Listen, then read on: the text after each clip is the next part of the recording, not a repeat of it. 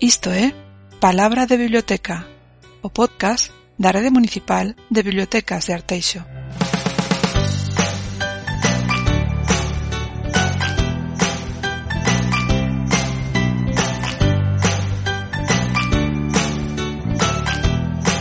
Ola, este é o podcast da Rede Municipal de Bibliotecas de Arteixo Palabra de Biblioteca. Estamos a gravar desde a Biblioteca Central Enrique Rabuñal un día venres 5 de xuño deste 2020. Eu son Fidel Mouzo, axudante de bibliotecas na Rede Municipal do noso Concello e, como digo, aquí presente José Luis Alonso, o bibliotecario de Arteixo. Que tal, José Luis? Hola, bo día. Fai rara esta maneira de gravar hoxe cara a cara, pero creo que un poquinho mellor que o que facíamos antes, mellor. non? É, é como a desescalada, pouco a pouco. Queres contar algunha novidade das bibliotecas? Como estamos a desenrolar a nosa actividades de que reabrimos ao público? Bueno, algunha cousa a novidosa. Dos novidades importantes para min, eh, para a xente, claro. Eh, fundamental é que xa temos aberto para cara ao estudio. O estudio ou eh, consulta presencial na biblioteca, tamén previa cita, como sempre, con un, a mascariña de, de cada un, Eh, e, e logo que eh, e, incluso uso de ordenadores tamén tamén previa cita, todo. E, esta semana e, eh, o que queda, bueno, que é hoxe e a semana que ven tamén pola mañán e pola tarde e a partir do día 15 pola mañán. E ademais o día 15 pois abre unha segunda biblioteca que é a de Meicende tamén coas mesmas características, é dicir, préstamo, devolución e tamén presencial, tanto para ordenadores como para estudio, consulta ou o que querades. Así que os animo, temos medidas de seguridade suficientes, non temades nada e, e ánimo outra vez a, a tomar as bibliotecas por asalto. Xa sabedes que podedes preguntar, facer algún comentario, calquera suxestión que leremos no vindeiro podcast en Facebook, Twitter, co usuario Biparteixo, o blog palabrabiblioteca.wordpress.com e o correo electrónico biblioteca.arteixo.org. Imos coa convidada de hoxe, José Luis. Vale, veña. Hoxe ben, a palabra de biblioteca Pues perdonad que nos pasemos al castellano, porque aunque nuestra invitada de hoy conoce y domina varios idiomas, creo y solo creo que el gallego no está entre ellos, aunque controla algo por algo que hizo con nosotros con las bibliotecas de Arteixo hace unas fechas, pero hablaremos un poquito más adelante de ello. Eh, Elena Traína, bienvenida al podcast Palabra de Biblioteca de Arteixo. Hola, buenos días. ¿Qué tal? Bien, bien, muchas gracias. ¿Qué tal? Pues aquí grabando un podcast y además hoy eh, en la biblioteca. Eh, José Luis, ¿quieres preguntarle algo sobre las bibliotecas de las que, de las que trabaja Elena? En principio no era más que, que las bibliotecas que podemos hablar más adelante, pero era para ponernos en situación.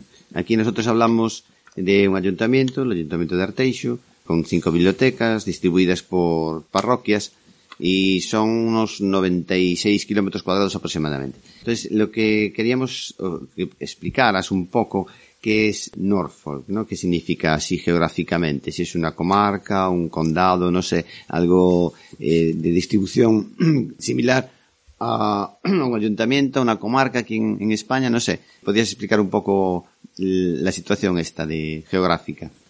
Sí, por supuesto. Norfolk um, quiere decir es una región geográfica y corresponde a una comunidad autónoma. O sea que es una región muy grande.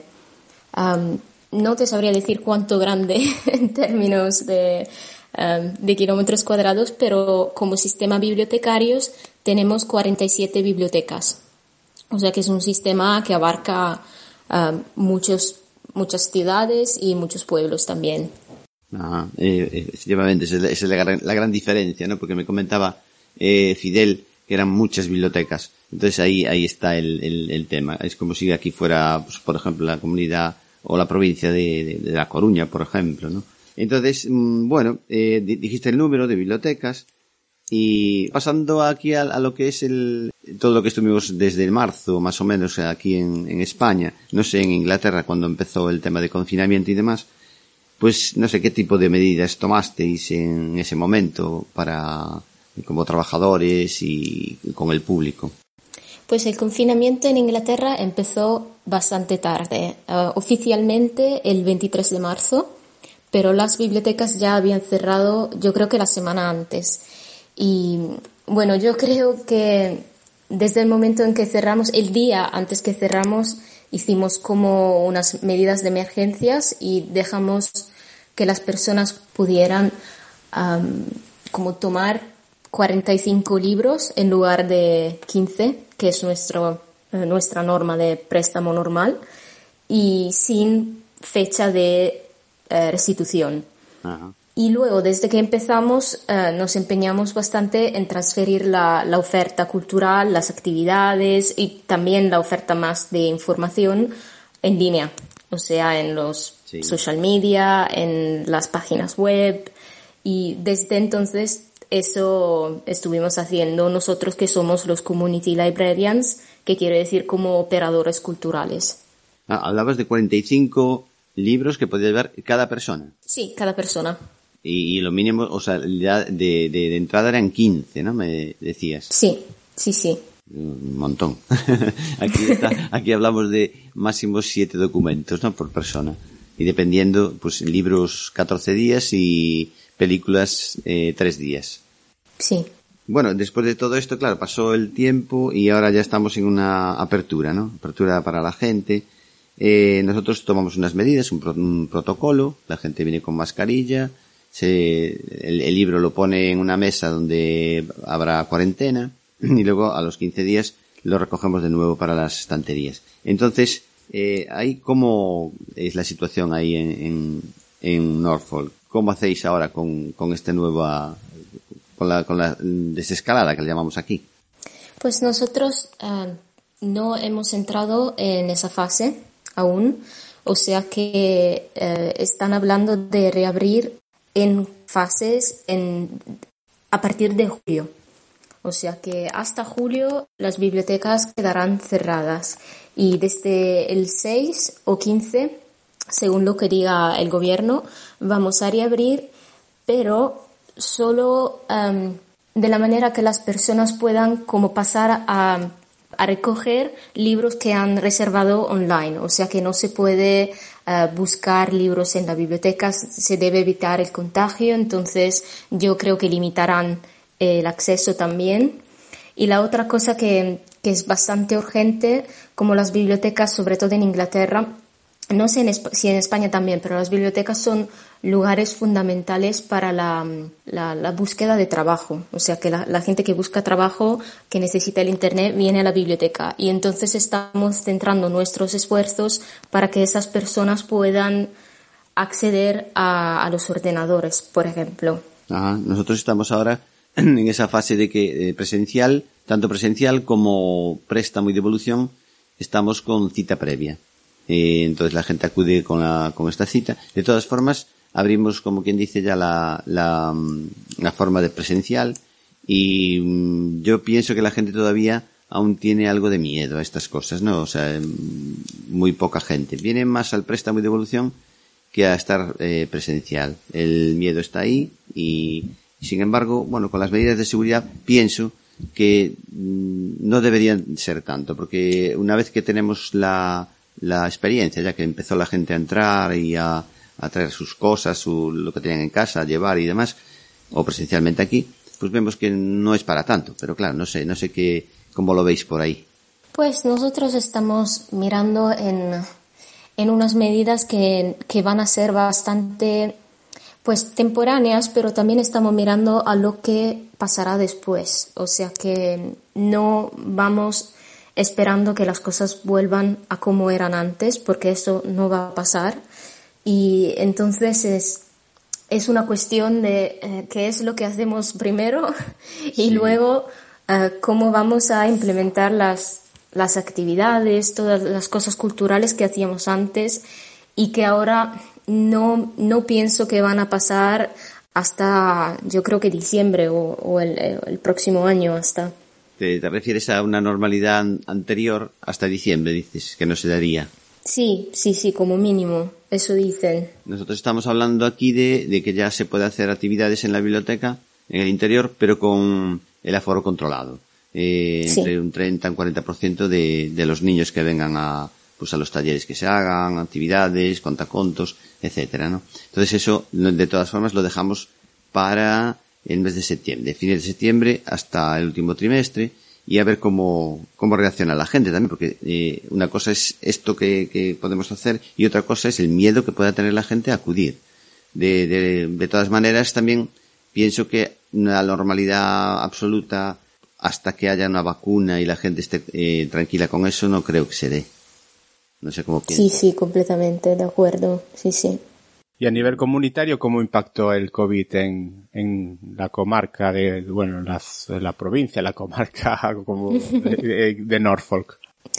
Pues he visto cosas muy, muy interesantes a nivel social. O sea que socialmente Inglaterra no es un, un país que, um, que se basa sobre una estructura social muy fuerte. Nosotros, yo viniendo de Italia, veo la diferencia entre um, cómo nosotros las comunidades se centran alrededor del concepto de la familia y, o, o de las comunidades religiosas. Entonces son comunidades socialmente muy fuertes. Y esto nunca lo vi en Inglaterra hasta el coronavirus. O sea que desde que empezó la emergencia, lo que vi fue una comunidad muy interesada en el, en el bien del, de los demás. Y fue de verdad súper interesante y muy positivo, muy positivo. O sea que un montón de voluntarios um, para ayudar a las, a las personas jubiladas, a las personas más uh, ancianas y, y nada, lo, lo, vi bastante positivamente. Eso en Inglaterra estás hablando, ¿no? En, en sí. O sea, una solidaridad bastante importante, ¿no? Sí, sí, sí. Muy importante y mucha, pues eso es bastante normal para Inglaterra, mucho respeto para las normas.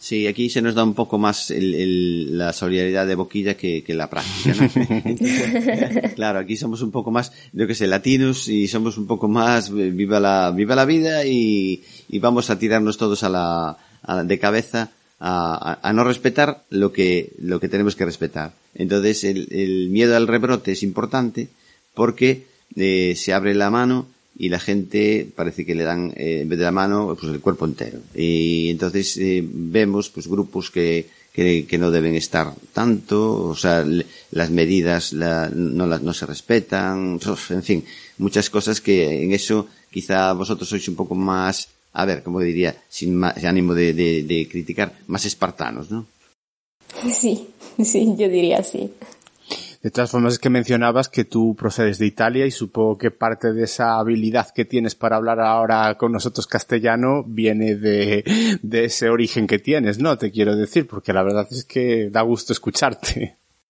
Muchísimas gracias. La verdad es que no practico desde hace años, entonces me está viniendo bastante difícil.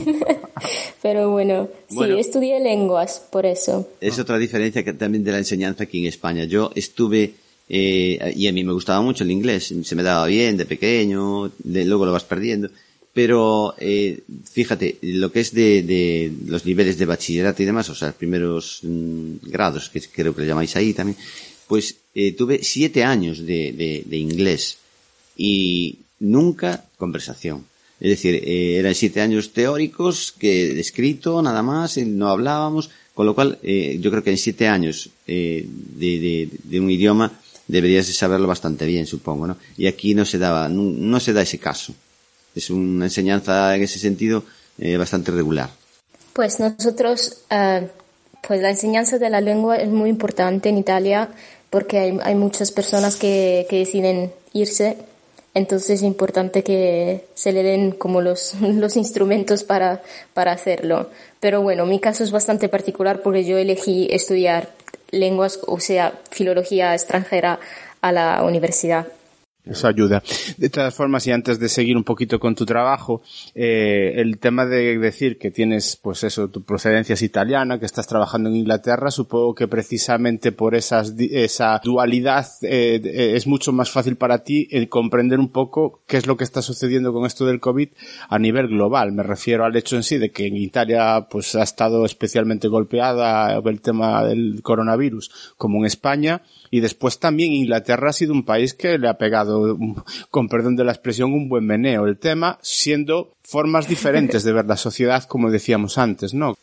Sí, lo que vi a nivel social en, Inglaterra, desafortunadamente no he visto eh, a nivel internacional. O sea que colaboraciones entre países de la Unión Europea y no, muy pocas. O sea que me sorprende muchísimo que Inglaterra, viendo lo que había pasado en Italia, viendo lo que había pasado en España, no se organizó antes, no organizó el, confinamiento antes, no se organizó con los otros países, mientras que en, Italia vimos unas colaboraciones internacionales bastante importantes. Nos mandaron médicos de Cuba, nos mandaron médicos de China, de Albania. Entonces fue bastante interesante también ver lo que pasó a nivel internacional sobre el tema. Y, y, volviendo al trabajo, exactamente hablabas de que, por ejemplo, tú eras Community Librarian.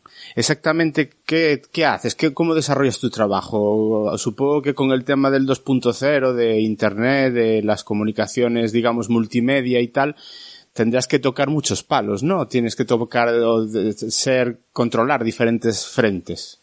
Sí, sí, ah, absolutamente. So, entonces, cuando trabajaba en la biblioteca, en las bibliotecas, o sea, en todo el sistema. Mi trabajo consistía en crear actividades para públicos específicos. O sea que mm, podía hacer cosas para niños como para jubilados, pero también para las comunidades extranjeras, refugiados. Ah, también hicimos algo con la comunidad que habla portugués en Norfolk, porque hay una comunidad bastante grande. Entonces, basándonos eh, sobre la necesidad de la comunidad, creábamos eh, una oferta cultural que, que abarcaba todo, de las, eh, del teatro a la música, a la creatividad, la escritura. Ahora lo que vamos a hacer es ver cómo podemos contactar las mismas comunidades con el Internet, pero no va a ser tan fácil. O sea que la comunidad que tiene acceso al Internet ya nos sigue, ya hacen sus actividades con nosotros. Son los demás que son más difícil como que tengan acceso a la misma oferta de momento en que las bibliotecas estén cerradas. Y el, tema de, participación de la gente a través de las redes sociales y demás y de lo que proponéis vosotros, ¿Qué tal? ¿La respuesta es grande? ¿Es, eh, suficiente? ¿O estáis contentos con ella? La respuesta es muy grande por lo que concierne el tema de las familias, o sea que los padres y los niños siendo a casa con las escuelas cerradas están súper contentos con lo que hacemos en los social media, que puede ser la hora de cuentos, como también talleres y actividades, juegos, mientras que el público que nos resulta más difícil son las personas jubiladas. O sea que es más difícil encontrar algo que funcione en el tema de, los medios sociales y queríamos hacer algo más como de grupos, de club, de eh, grupos de lectura, pero es más difícil porque las personas jubiladas quizás no tengan los conocimientos tecnológicos para hacer como por ejemplo un grupo, un grupo de lectura con Zoom o con no sé qué otro medio que se puede utilizar. Entonces estamos mediando estas cosas y, viendo cómo podemos eh, ayudar. Aquí lo que notamos nosotros, por lo menos aquí en esta biblioteca, lo, más difícil de llegar es precisamente los adolescentes. Una parte que ellos que, dominan bien los, los, los, los medios, estos son de, de Internet, redes sociales y demás, pero sin embargo la, la participación es más bien escasa. Totalmente. Los adolescentes son los enemigos de las bibliotecas. O sea que lo que vemos nosotros es que... Es mal, no es solo aquí. Entonces. Sí, sí, yo creo que es algo internacional porque también lo hablé con, con compañeras italianas y esas también piensan lo mismo. Que es difícil, es difícil que los adolescentes participen, pero eso no quiere decir que no lean, porque nosotros em, los préstamos de los libros para adolescentes son siempre, siempre han sido muy altos, muy populares, pero los adolescentes vienen y se van, no se quedan para actividades. Y yo creo que lo mismo pasa online, o sea que nuestra oferta, aunque lo intentamos, porque hacemos cosas como un grupo de lectura sobre el cambiamiento climático, que es un tema muy querido a los adolescentes. También hicimos como competiciones artísticas, competiciones de, fotografía. Todo eso está bien, pero no tiene los mismos resultados de una, una actividad para familias o niños. Yo creo que es algo bastante común. Eh, antes, al principio de la conversación, hablábamos de que habíamos llegado a tener esta conversación porque José Luis y yo participamos en una iniciativa que tenéis en, Instagram, si no me equivoco, está circunscrita a Instagram, que a la que llegamos también porque una tercera persona, también de bibliotecas aquí en Galicia, como era Teresa de Rivadavia, nos, nos había puesto en contacto, eh, que se llama la iniciativa Around the World in, eh, pues creo que es 80 Libraries, la vuelta al mundo en 80 bibliotecas. ¿En qué consiste la iniciativa y qué pretendías, qué pretendíais con ella, Elena? Correcto, sí. Pues desde hace, yo creo que un mes y medio, eh, me he puesto en cargo del Instagram de la biblioteca, porque lo teníamos, pero no era, no era muy interesante, no era muy enganchador. Entonces pensamos, ¿qué podemos hacer para crear contenidos? Porque nosotros desde siempre hemos utilizado los social media como puestos donde uh, mandar las personas a otras páginas, a otros lugares para dar informaciones. Y faltaba esa idea de la creación de contenido original. Entonces pensé, bueno, como tenemos muchísimos contactos que son bibliotecas um, en Instagram que nos siguen y nosotros seguimos a ellas, sería interesante hacer como una, un, intercambio cultural. Por eso me puse a mandar mensajes a todos, a no sé cuántas bibliotecas, para ver quién, quién aceptaba la oferta. Y Teresa de Rivadavia fue la primera, o sea que hicimos uh, Rivadavia y ella nos recomendó a Artesio, que, uh, que, fue, que fue precioso porque también um, ocurrió el, el, día de, de, las letras gallegas, o sea que, que fue bastante afortunado. Sí, además recomendando un libro que tenía que ver con el autor homenajeado ese, este, este año por el Día de las Letras Gallegas. Y además realizado, bueno, eh, escrito por el, el autor que tiene el nombre de la biblioteca, Enrique Rabuñal. Nuestra biblioteca se llama así, en honor a, a Rabuñal, que es de aquí de Arteix. Qué bonito, eso no sabía, qué bien. Sí, fue una iniciativa eh, del, cuando cumplimos 20 años. Eh, resulta que eh, fue una iniciativa eh, personal, en ese sentido. Yo envié al ayuntamiento la, la,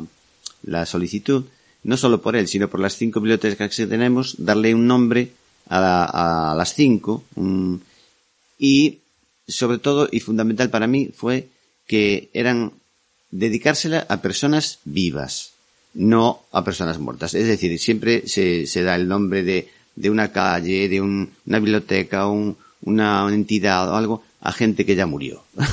o, o, siempre los mismos, ¿no? Entonces te encuentras con Biblioteca Rosalía de Castro, 20.000. Eh, Curros Enríquez, 18.000. Entonces, mejor gente de aquí y a ser posible viva. Y se llevó a cabo y, y efectivamente así se, se hizo.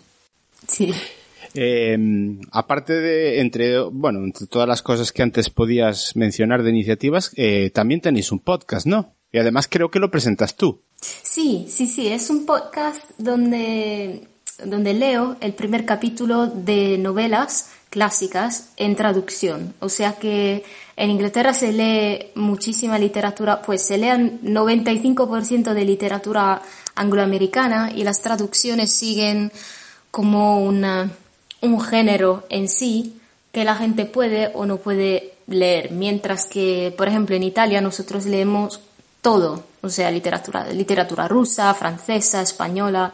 Entonces pensé en hacer esto, en, en leer el primer capítulo de, de, novelas clásicas y está yendo muy bien, está yendo muy bien. No te imaginas cuál es la una, una de las novelas más populares que hemos leído en el podcast fue Lazarillo de Tormes. Qué bien. Claro, clasicón de aquí. De, incluso se, se sí, sigue, se sigue sí eh, recomendando en los institutos para, para el estudio. Sí, sí, y en las universidades, porque claro, yo lo conocía a la universidad. Bueno, eh, la gente que te está escuchando y nosotros dos estamos de acuerdo en que tienes una voz muy bonita. Eh, buceando y buscando información para hacerte, para tener esta conversación contigo, he descubierto que además cantas. Sí, sí, en el tiempo libre, en el tiempo que me queda. ¿Y, has cantado alguna vez en biblioteca? Sí, muchísimas veces. Sí, sí, sobre todo cuando hicimos los festivales culturales, que era una iniciativa mía también. Em, cada domingo hacíamos como el Día de la Cultura Italiana, el Día de la Cultura Española. Y cada vez invitábamos como músicos y lectores. Yo canté en el Día de la Cultura Italiana y en el Día de la Cultura Latinoamericana, porque también me encanta la música latinoamericana, sí. Eh, Están acompañando las campanas de las 12, ¿no? Sí, lo siento muchísimo. al contrario, para mí queda muy bien. Le da contexto, le da, le da eh, la realidad del directo, ¿no? Eh, sí, pues con tu permiso sí que es cierto que relacionado con lo que acabas de comentar, es verdad que te he escuchado cantar un Bella Chao. Eh, igual si me dejas podemos compartirlo en el final de este podcast de hoy, si no te importa. Vale, sí, con la guitarra. Sí. Sí, sí. eh, no sé si has traído alguna recomendación que hacer a los escuchantes del podcast de Palabra de Biblioteca, Elena. A recomendación. Sí, sí, tengo dos. Tengo una recomendación de libro para niños y una para, para todas las, pues, para adultos, digamos. o sea que una serie que me encantó de, de libros para niños fue la de Manolito Gafotas. que fue publicada en los años 90 y yo la leí cuando estaba empezando a aprender el español y nada, me encantó, me parece muy graciosa y muy eh, localizada en el tema de la cultura de Madrid y me encantó. Mientras que... Muy, muy, conocida aquí. Sí, sí, sí, muy amada yo creo como, como autora también. Mientras que el libro para adultos me encantó El olvido que seremos, que es del escritor colombiano Héctor Abad. Y no sé si la conocéis. No. No, no. No, El olvido que seremos eh, es una biografía del padre del autor, es la biografía de Héctor Abad Gómez, que es un médico que se dedicó a la defensa de los derechos humanos hasta su asesinio a finales de, de los años 80. Y es una novela preciosa. Yo no soy de, de biografías o de autobiografías, pero está escrita de una manera de verdad emocionante. Muy bien. Vale, pues tomamos nota para, a ver, bucearemos de ese libro, a ver si lo podemos conseguir para aquí, para la biblioteca. Sí, El olvido que seremos, de Héctor Abad. Muy bien. Bueno, José Luis, ¿quieres despedirte de Elena? Nada, pues nada, agradecerte que estuvieras aquí con nosotros. Es una, una nueva situación, una nueva, algo diferente a, aquí a, de, Galicia o de España. Y para mí fue muy interesante conocer todo esto. Muchísimas gracias para la invitación. Me, lo he pasado muy bien, ah, aunque mi español, claro, es bastante... Ah, bastante bueno. Viejo. no, bastante bueno. Muy bien, muy bien para no, como dices tú, de, tenerlo en desuso, la verdad es que ojalá tuviera yo ese dominio, por ejemplo, del inglés o... Claro. Si nosotros nos ponemos a hablar en inglés, seguramente que dirá la gente, ¿en qué habla? ¿Qué está hablando este señor? Vale, lo mismo yo en gallego, entonces. Tendría que, que aprender eso. Como curiosidad, ¿de dónde sacaste la traducción de lo que estábamos diciendo? Pues la verdad es que me, me enteré bastante yo sola. Me fue bastante similar con lo que yo sé del portugués. Lo hablo muy poco, pero, pero lo encontré bastante similar. Y solo un par de cosas, sobre todo al final de la, grabación, tuve que pedir a un amigo de, de La Coruña. o sea que le... Bueno.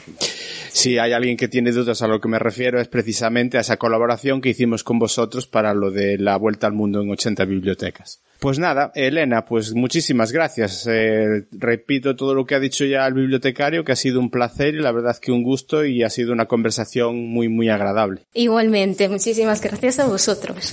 Muy bien. Y como siempre, también te agradecemos a ti que estás escuchando esto y te puede resultar interesante esta iniciativa podcastera de acercaros las bibliotecas a vuestros oídos. Hasta la próxima en Palabra de Biblioteca.